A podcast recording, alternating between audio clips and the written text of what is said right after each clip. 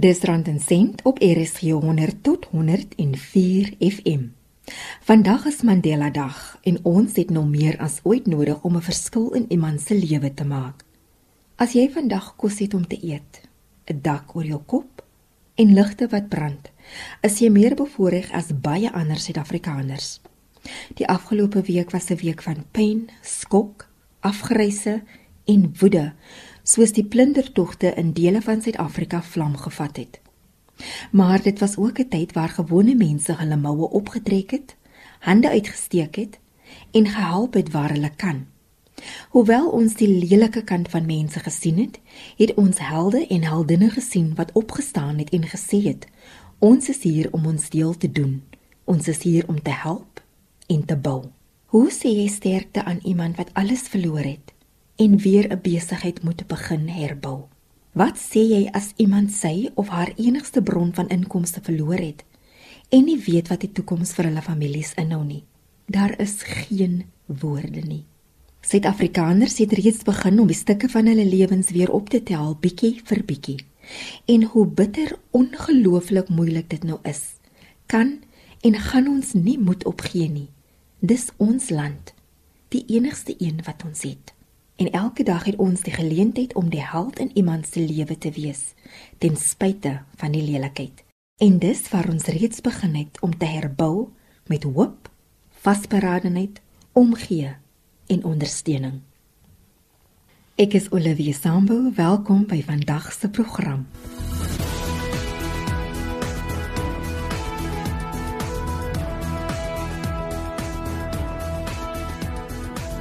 Vandag gesels ek met Lizet Volkwyn, 'n meesterlewensafrigter van Johannesburg en menslike leenverklikker.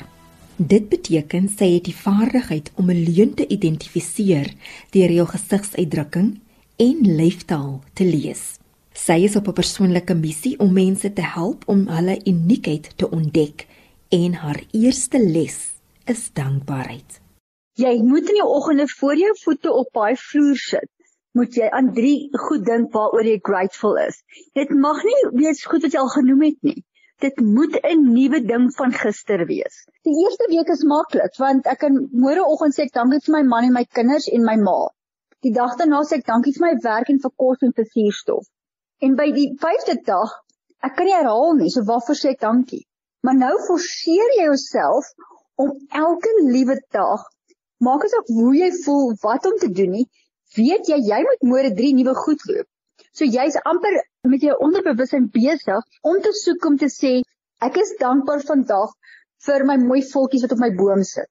En dis dissipline om dit toe te pas want jy vergeet miskien vandag Ja môreoggend dink jy o ek kan nie drie kry nie. Dit voel vir my nou 'n bietjie dom en nou moet jy hard dink. Maar voor jy weet jy dit 'n rotine begin word en jy begin vorentoe kyk oor hoe dit werk dan verander die prentjie. Jy begin dink, "Ag, oh, dit klink soos hierdie positive secret storieetjies en dit is so funny en alles." En weet jy, en as jy dit begin reg toepas.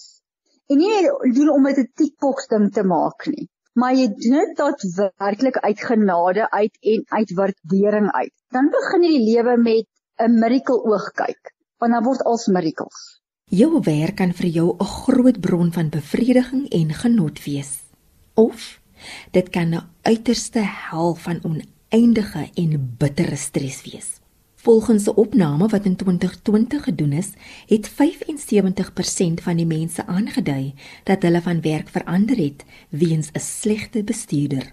1 miljoen mense het dan die opname deelgeneem, wat beteken dat 750 000 werkers hulle werk verlaat het omdat hulle nie oor die weg met hulle bestuurder gekom het nie. Talle werkers wat van die huis af werk, gaan ook nou gebuk onder geweldige druk weens bestuurders wat in nagmerries ontaard het nou dat hulle nie meer op kantoor is waar hulle 'n oogie oor die werkers kan hou nie. Want dit is absoluut wat heidaglik gebeur in die trend en die tendens waar ons heidaglik beweeg, is juis daai wat ons van die huis af werk of in 'n hybrid modus waar ons bietjie by die werk is en bietjie by die huis is en ons het hierdie bestuurders wat geomskep het of omgeswaai het in hierdie mikrobestuurders. En die eerste reaksie wat ons het, is die fout by my bestuurder want hy is 'n haglike of sy is 'n absolute moeilike mens. En nou gaan ek dit jou omswaai. Dit het niks te doen met jou bestuurder nie. En nou gaan almal sê, "Wat? Hallo onmiddellik van die lug af. Ek wil nie sy moet praat nie want sy moet my kant kies. Ek kies nie die bestuurder se kant nie. Want ons het kan het geen beheer oor hulle hoe hulle ons hanteer nie. Dit is die eerste punt wat ons moet begin besef. Dit is verskriklik moeilik wanneer ons onder hierdie manipulerende, ek wil amper sê titelsoekende mense moet werk. Ek hou nie van my bestuurder nie. Ons het goed oor die weg gekom of redelik goed oor die weg gekom voor ek van die huis af gewerk het, maar nou skielik kry ek elke halfuur kry ek 'n e-pos van wat doen jy? Is jy by jou tafel? En waar's jou kinders? Het jy nou te aftyd gevat? Dan onmiddellik begin ons voel ons word ingeperk. Ons begin voel ons stem word stilgemaak. En saam met dit ons kommunikasie tussen mekaar verdwyn want ons sien mekaar nie meer gesig tot gesig en dit is waar die hele kruks begin en die ontbreking begin as ek dit so kan noem omdat ons kernwaardes verskil dra dit grootliks by tot gebrekkige kommunikasie wat uiteindelik tot stres en ongelukkigheid lei weens onaangename werksomstandighede maar wat is kernwaardes en hoekom is dit so belangrik Olivia ek is absolute advokaat vir uniekheid en aan die tweede punt kan ek nie genoeg stres en dit is oor kernwaardes nie. Net soos ons duindruk, het ons ook kernwaardes wat uniek is tot by ons sinne. Nou, groot of nie, daar's oor die 500 kernwaardes en jy het moet jou top 20 identifiseer. Want wat gebeur is elke liewe besluit of jy nou bewus is daarvan al dan nie, was gemaak uit jou inherente, dit waarmee jy gebore is, kernwaardes. En sodra jy begin besef maar familie is my nommer 1 prioriteit byvoorbeeld. Maar vir jou bestuurder is miskien finansiële welstand eerste punt. Hy gaan nie 'n saak hê met jou familie dan nie. So as jy 'n kernwaarde is, as jy voorbeeld wat jy genoem het toe ons begin het, van hierdie dame wat absolute compassion het en niemand gee om nie, Nou jy moet weet haar kernwaarde is absolute omgee, daai empatiese persoonlikheid. En nou dat bestuurder nie daai empatie nie. En dis hoekom sy die direkte seer voel. Maar al is dit dieselfde bestuurder, gaan verskillend wees. En dis hoekom baie keer dan gaan rapporteer jy die bestuurder en sê, "Maar almal het gesê sy is mislik of hy is mislik en niemand doen iets saamtrend nie." En nou gaan die HR en hulle begin nou navraag doen en begin vir al die mense om jou vra, hoe is jou verhouding met die bestuurder? En elkeen gee 'n ander weergawe. Dan kan niemand daaromtrent iets doen nie. Want niemand het dieselfde probleem nie. En dit is waaroor dit gaan. Jy moet besef jou kernwaardes maak dit waar vir jy staan. Jou kernwaardes maak dat jy seker dinge optree en jou kernwaardes onbewuslik of bewuslik maak vir jou besluite vir jou toekoms en jou kernwaardes veroorsaak al daardie frustrasie en kwaad en verskriklike gelukkige emosies binne jou. Maar hoe kan jy en jou bestuurder beter oorweg kom as jy 'n verskillende kernwaardes het? Die eerste ding wat jy jouself moet afvra, wie is ek? Waarvoor staan ek? Wat word van my verwag in hierdie posisie? En wat kan ek meer hanteer? En ek wil amper die Engelse woord gebruik, what will I tolerate? before something needs to give. En dit gaan alles oor jou kernwaardes. So weer eens, vergeet wat jou bestuurder doen. Kom terug na jou toe eers, want dis die belangrike persoon hier in hierdie gesprek. So jy moet vra en sê, "Hoe kan ek hierdie maak werk?" Ek is empaties, ek is iemand wat omgee. Ek wil die ander mense wens ek sou kan met hulle op begin praat en hulle moet in praat. En hoe kan ons hierdie bestuurder op 'n ander manier kry om met ons te kommunikeer. En nou moet jy gaan en sê, "Oké, okay, wat is vir daai bestuurder belangrik?" En die vir die bestuurder belangrik is geldelike welstand absoluut vir hom natuurlik belangrik, want as 'n maatskappy profit maak, kry hy net 'n beter bonus of sy 'n beter bonus of wat ook al die effek is. Jy moet dan begin daarop fokus. So as jy met hom kommunikeer of met haar kommunikeer, begin dit wat hulle jou vra op fokus. Nou daar's vier verskillende maniere hoe ons inligting verwerk. So as ek vir jou gaan vertel hoe wonderlik hierdie prentjie is. En weet jy dit het my so lekker voel. Dit laat my so tussen mense voel. Ek kan voel hoe hartseer hulle is of gelukkig is. Maar ek is net 'n feite ou. Gaan ek vir jou luister? Ek gaan nie. Maar sodra ek jou taal begin praat en ek sê vir jou, jy het gevra dat ons hierdie punte neerkry en hierdie verslag bymekaar sit, hier is dit. Dis die enigste kommunikasie wat jy nodig het. Jy besef klaar, hy gaan nie vir daai tipe erkenning gee of sy gaan nie daai tipe erkenning gee wat jy voel jy wil hê nie. Maar onthou, ons kry seer. Ons word teleurgestel. Ons word kwaad deur ons eie verwagtinge. Ons verwag ons bestuurder moet nice wees. En ons kwaad vir die bestuurder, want ons het verwag, jy het verwag dat hy moet nice wees. Die bestuurder is net wie hy is. En as jy daai verwagtinge kan omskep, na eerder kom ons sê kyk hoe reageer hy? Wat maak hom werk? Dan gaan jy skielik begin na ander oë met ander oë na hulle kyk. Na alle mense. As jy dit begin doen begin die verhouding ook minder strein dra.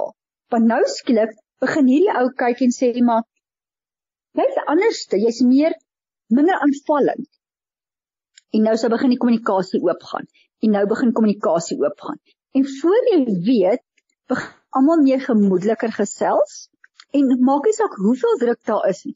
As jy is wie jy is, jy's 'n empatiese ou, begin offline. Maar ek wil weet ek wil amper die woord offline gaan en create 'n WhatsApp groepie tussen jou werkskollegas. Nie 'n kindergroep nie, maar 'n bemoedigende groepie.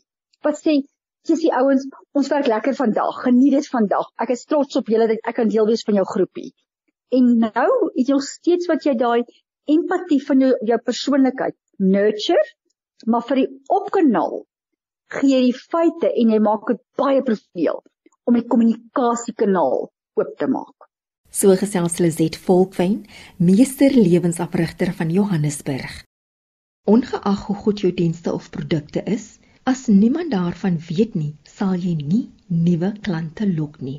Jy moet jou besigheid op vindingryke maar effektiewe maniere bemark as jy jou besigheid wil laat groei.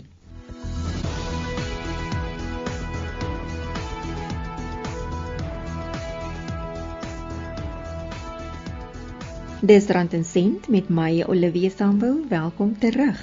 Stuur 'n WhatsApp teks of stem boodskap na 076 536 6961 of stuur 'n e-pos na randencent.rsg@gmail.com. Skakel ook in op die DSTV kanaal 813 of luister aanlyn by www.rsg.co.za waar jy ook die program kan aflaai. Volg ons ook op Twitter en Facebook. In 2020 toe die inperking weens COVID-19 in werking getree het, moes besighede bemarking op 'n heel ander manier aanpas en die aanlyn wêreld aandurf om hulle dienste en produkte te bemark. Aryan Brand van Smartlink Marketing in Kaapstad sê daar is verskillende forme van bemarking. Inhoudsbemarking is een van die forme en dit kan jou help om meer klante op 'n slim manier te bereik. Met die inperking was baie besighede gesluit en die bemarkingsagentskap het steeds 'n verantwoordelikheid om bemarking te doen vir hul kliënte. Maar bemarking moes gedoen word in 'n ander vorm omdat die besighede nie noodwendig oop was vir besigheid nie. So toe het bewusmaking begin gebeur omtrent inhoudsbemarking. Hierdie vorm van be bemarking poog om verbruikers se vrae te beantwoord oor produkte of dienste en ook om konteks te bied tydens hul koopproses, naamlik die bewusmakingsfase. Ehm um, dis hier gewoonlik waar die verbruiker besef maar ek het 'n behoefte, ek kort iets, ek moet iets hê. Dan die oorwegingsfase waar die verbruiker oorweeg hoe hy of sy hul behoefte gaan bevredig en dan laastens die besluitnemingsfase. Hier is dit waar die verbruiker besluit watter produk of diens hy of sy gaan gebruik. So kom ons sit dit in 'n voorbeeld. Ek het byvoorbeeld 'n besigheid wat oefenskoene verkoop. Nou besef daar iemand maar dit is inperking, ek wil gaan oefen. Ek weet ek kon by fase of vlak 3 of 4 kon ons al gaan oefen het. So nou besluit ek ek kry gereeld kliënte wat nie seker is watter oefenskoene hulle wil koop nie. Nou maak ek byvoorbeeld video's of 'n blogpost oor sommige van die mees gewildste oefenskoene wat in my winkel beskikbaar is en dan ook waarvoor hierdie skoene ideaal is. Soos ons weet, sekere is byvoorbeeld meer ideaal vir padwedlope, ander is meer gewild vir loop en ander vir hikes in die berge. So dit is wat inhoudsbemarking spesifiek is. Nog 'n bemarkingsstrategie is as jy maklik gevind kan word op 'n soek-enjin. Dit mag dalk meer klante na jou webtuiste toelei wat dalk uiteindelik jou produkte sal koop of jou dienste sal gebruik. Iets anders wat ook baie meer gewild is, maar wat ook baie geld kos, is SEO, Search Engine Optimization. Nou, ongelukkig is daar nie 'n Afrikaanse woord vir dit nie. Ek dink as ek dit moet vertaal, sal ek op iets baie vreemds afkom. Maar die doel hier is om jou webtuiste so hoog as moontlik op soek engines soos byvoorbeeld Google se uitslaablad te laat verskyn. Kom ons vat byvoorbeeld weer die voorbeeld van die oefenskoene wat ek nou sopas genoem het. 'n Verbruiker gaan nou op Google en soek nou watter skoene om te koop. Wat ek as 'n besigheid wil hê is om so hoog as moontlik op haar uitslaablad te wees, want mense neig om slegs op die eerste 3, soms die eerste 5 uitslae te klik. As hulle nie kry wat hulle soek nie, dan los hulle dit. Hulle hou dan af van om kom ons sê in oblivion basies te of oblivious te wees vir wat die eintlike antwoord is op die vraag. So SEO maak spesifiek staat op algoritmes wat verskeie faktore inreken om beste moontlike uitslae vir die verbruiker te lewer. Een van die grootste faktore hier is kernwoorde of terwyl tags. Iets anders wat ook baie bekend is, is pay per click of PPC, betaal per klik. Uh dit is waar advertensies wat op webtuiste en soek engines verskyn. Jy of jou besigheid betaal basies vir ligtheid en verkeer na jou webtuiste toe. So ek het uh, byvoorbeeld 'n promosie wat hardloop en dan betaal ek ander webtuistes, ander hosts om dat die advertensie daar verskyn. En vir elke keer wat daar geklik word op die advertensie, dan uh, betaal ek. 'n Baie gewilde voorbeeld hiervan is advertensies wat byvoorbeeld verskyn op apps of uh speletjies op die slimfone. Dit is 'n goeie voorbeeld van PPC. Dan die laaste uh, vorm van bemarking waar ek wil gesels spesifiek digitale bemarking is geaffilieerde bemarking. Nou hierdie vorm van bemarking is amper baie soortgelyk aan verwysingsprogramme waar besighede 'n ooreenkoms aangaan met 'n ander individu of besigheid om hul produk of diens te bemark en verkoop natuurlik in ruil vir kommissie. 'n Klassieke voorbeeld hier sal wees dat ek 'n promosiekode deel met my vriende en kennisse wanneer hulle wegneem etes betaal oor die foon en dit dan afgelewer word.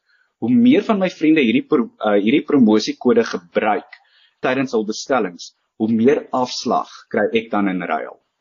Jy kan ook plaaslike klein en medium sake ondernemings op sosiale media ondersteun. Die eerste ding is gaan like en volg hulle sosiale media blaaie. As daar 'n handelsmerk of onderneming is in jou omgewing waarvan jy hou, gaan soek hulle op Facebook, gaan soek hulle op Instagram en gaan like hulle, volg hulle, like hulle posts, share hulle posts, hulle sosiale media plasings. Dit kos jou niks nie. Dit gaan net op jou tydlyn, op jou uh newsfeed verskyn, maar dis dit. Dit gaan jou niks kos om hulle so te ondersteun nie. Die ander ding is ook verwys hulle na 'n vriend of familielid en gesels met hulle uh, vertel hulle meer van die onderneming en hoekom hulle so wonderlik is. En dan natuurlik die laaste ding wat Jan publiek ook natuurlik kan doen om 'n onderneming te ondersteun aanlyn is los 'n goeie boodskap of 'n resensie op hul blad as jy gelukkig was met die produk of diens. Jy weet mense is so maklik om te gaan kla oor die diens was swak of ek moes so lank gewag het vir hierdie redes, maar dan was daar goeie en valide redes oor hoekom jy as kliënt moes wag, maar mense kla net maklik in plaas daarvan om komplimente te lewer wanneer daar 'n goeie ding is. En dit is iets wat ons kliënte ook baie keer vra is as daar goeie terugvoer kom, laat weet ons. Ons wil weet, ons wil sien. Want ja, hulle word baie keer vasgevang in klagtes en so aan en baie keer is baie van hierdie klagtes ook onredelik. Smartlink marketing fokus op 'n spesifieke mark al ons kliënte is klein plaaslike ondernemings. Ons het byvoorbeeld 'n haarsalon in ons omgewing. Ons het 'n skoonheidssalon. Ons het 'n plaveisel kontrakteur. Ons het 'n debt counselling onderneming vir wie ons ook nou begin. um, sosiale media bemarking doen. Soos jy kan aflei, almal klein ondernemings. Ons het een of twee groter ondernemings gehad wat wou gebruik maak van ons dienste, maar ons hele uitkyk is ons wil saam met die klein ouens groei. Ja, ons is 'n start-up, ons bestaan al vir 'n jaar of 2, maar ons wil saam met daardie ouens groei want dit is die ouens wat die dienste nodig het. Op die einde van die dag die gaping tussen die groot besighede en die plaaslike besighede word al groter en ja, ons bydra is maar net 'n druppel in die emmer, maar as ons die kleiner ouetjies kan help om te groei, hoekom nie? Dit was Aryan Brandt van SmartLink Marketing in Kaapstad. Vroeger hierdie jaar het ek met Johannes Bertus de Villiers gesels oor die impak wat COVID-19 op ons gehad het en hoe om die stres wat daarmee gepaard gaan te hanteer.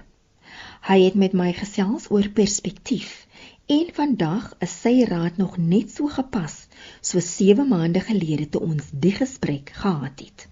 So wat jy eintlik doen is jy skuif jou perspektief, nê? Nee jy skuif jou perspektief dat jy jy besef dat dinge is meer as net daai een ding wat verkeerd gegaan het. Hierdie mense het 'n hele groot lewe wat jy nie van weet nie. Weet jy, ek het 'n ou professor gehad wat my filosofie gegee het jare terug op universiteit.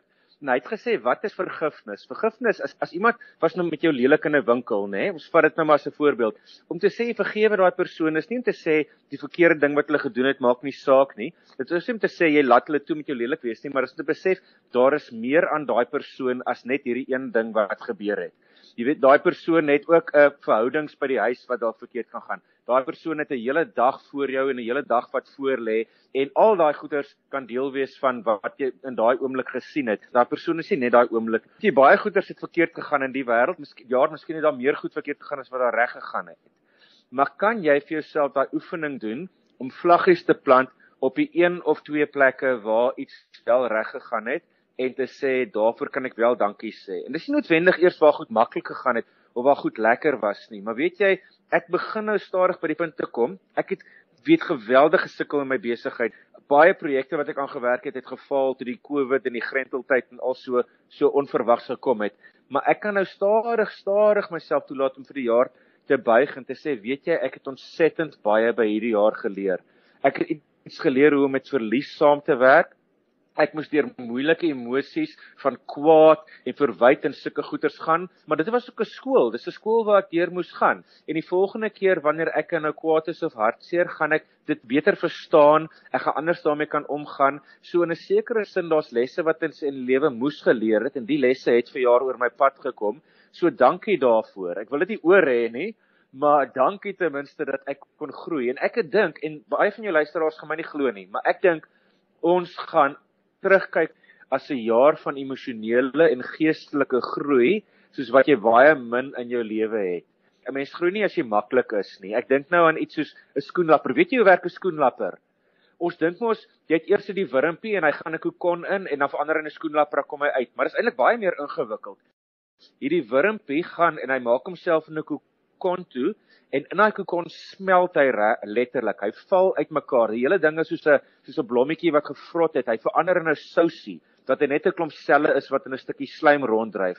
En uit daai slaim begin hy sit hy homself stuk stuk weer aan mekaar in 'n heeltemal nuwe vorm en as daai kokon oopbars, dan is hy 'n skoenlapper, hy of sy 'n skoenlapper met wye vlerke en die pragtigste kleure, eerder as 'n vaal ou wurm. En ek dink baie van ons het 'n bietjie in 'n kokon ingegaan en daar het ons uitmekaar uit begin val. Baie goeders verloor wat ons voor lief was, baie goed wat ons altyd onsself aan verstaan het. Ek is hierdie tipe verhoudings met mense, ek het hierdie tipe werk en van daai goed het nou gesmelt en uitmekaar geval. Maar dit beteken nie dat daai jou hele storie is nie. Jy's altyd meer as dit. Daar's 'n toekoms wat jy op geen manier kon voorspel nie en daai toekoms kan net so maklik dalk insluit dat jy as 'n skoenlapper uit daai kokon uit gaan kom as 'n wurm. So hou ten minste oop gemoed en kyk wat gebeur.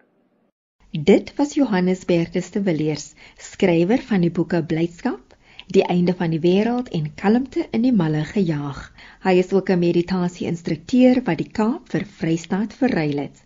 Ek is Olivia Sambo op Rand en Sent, RSG 100 tot 104 FM. Ek groet tot volgende week.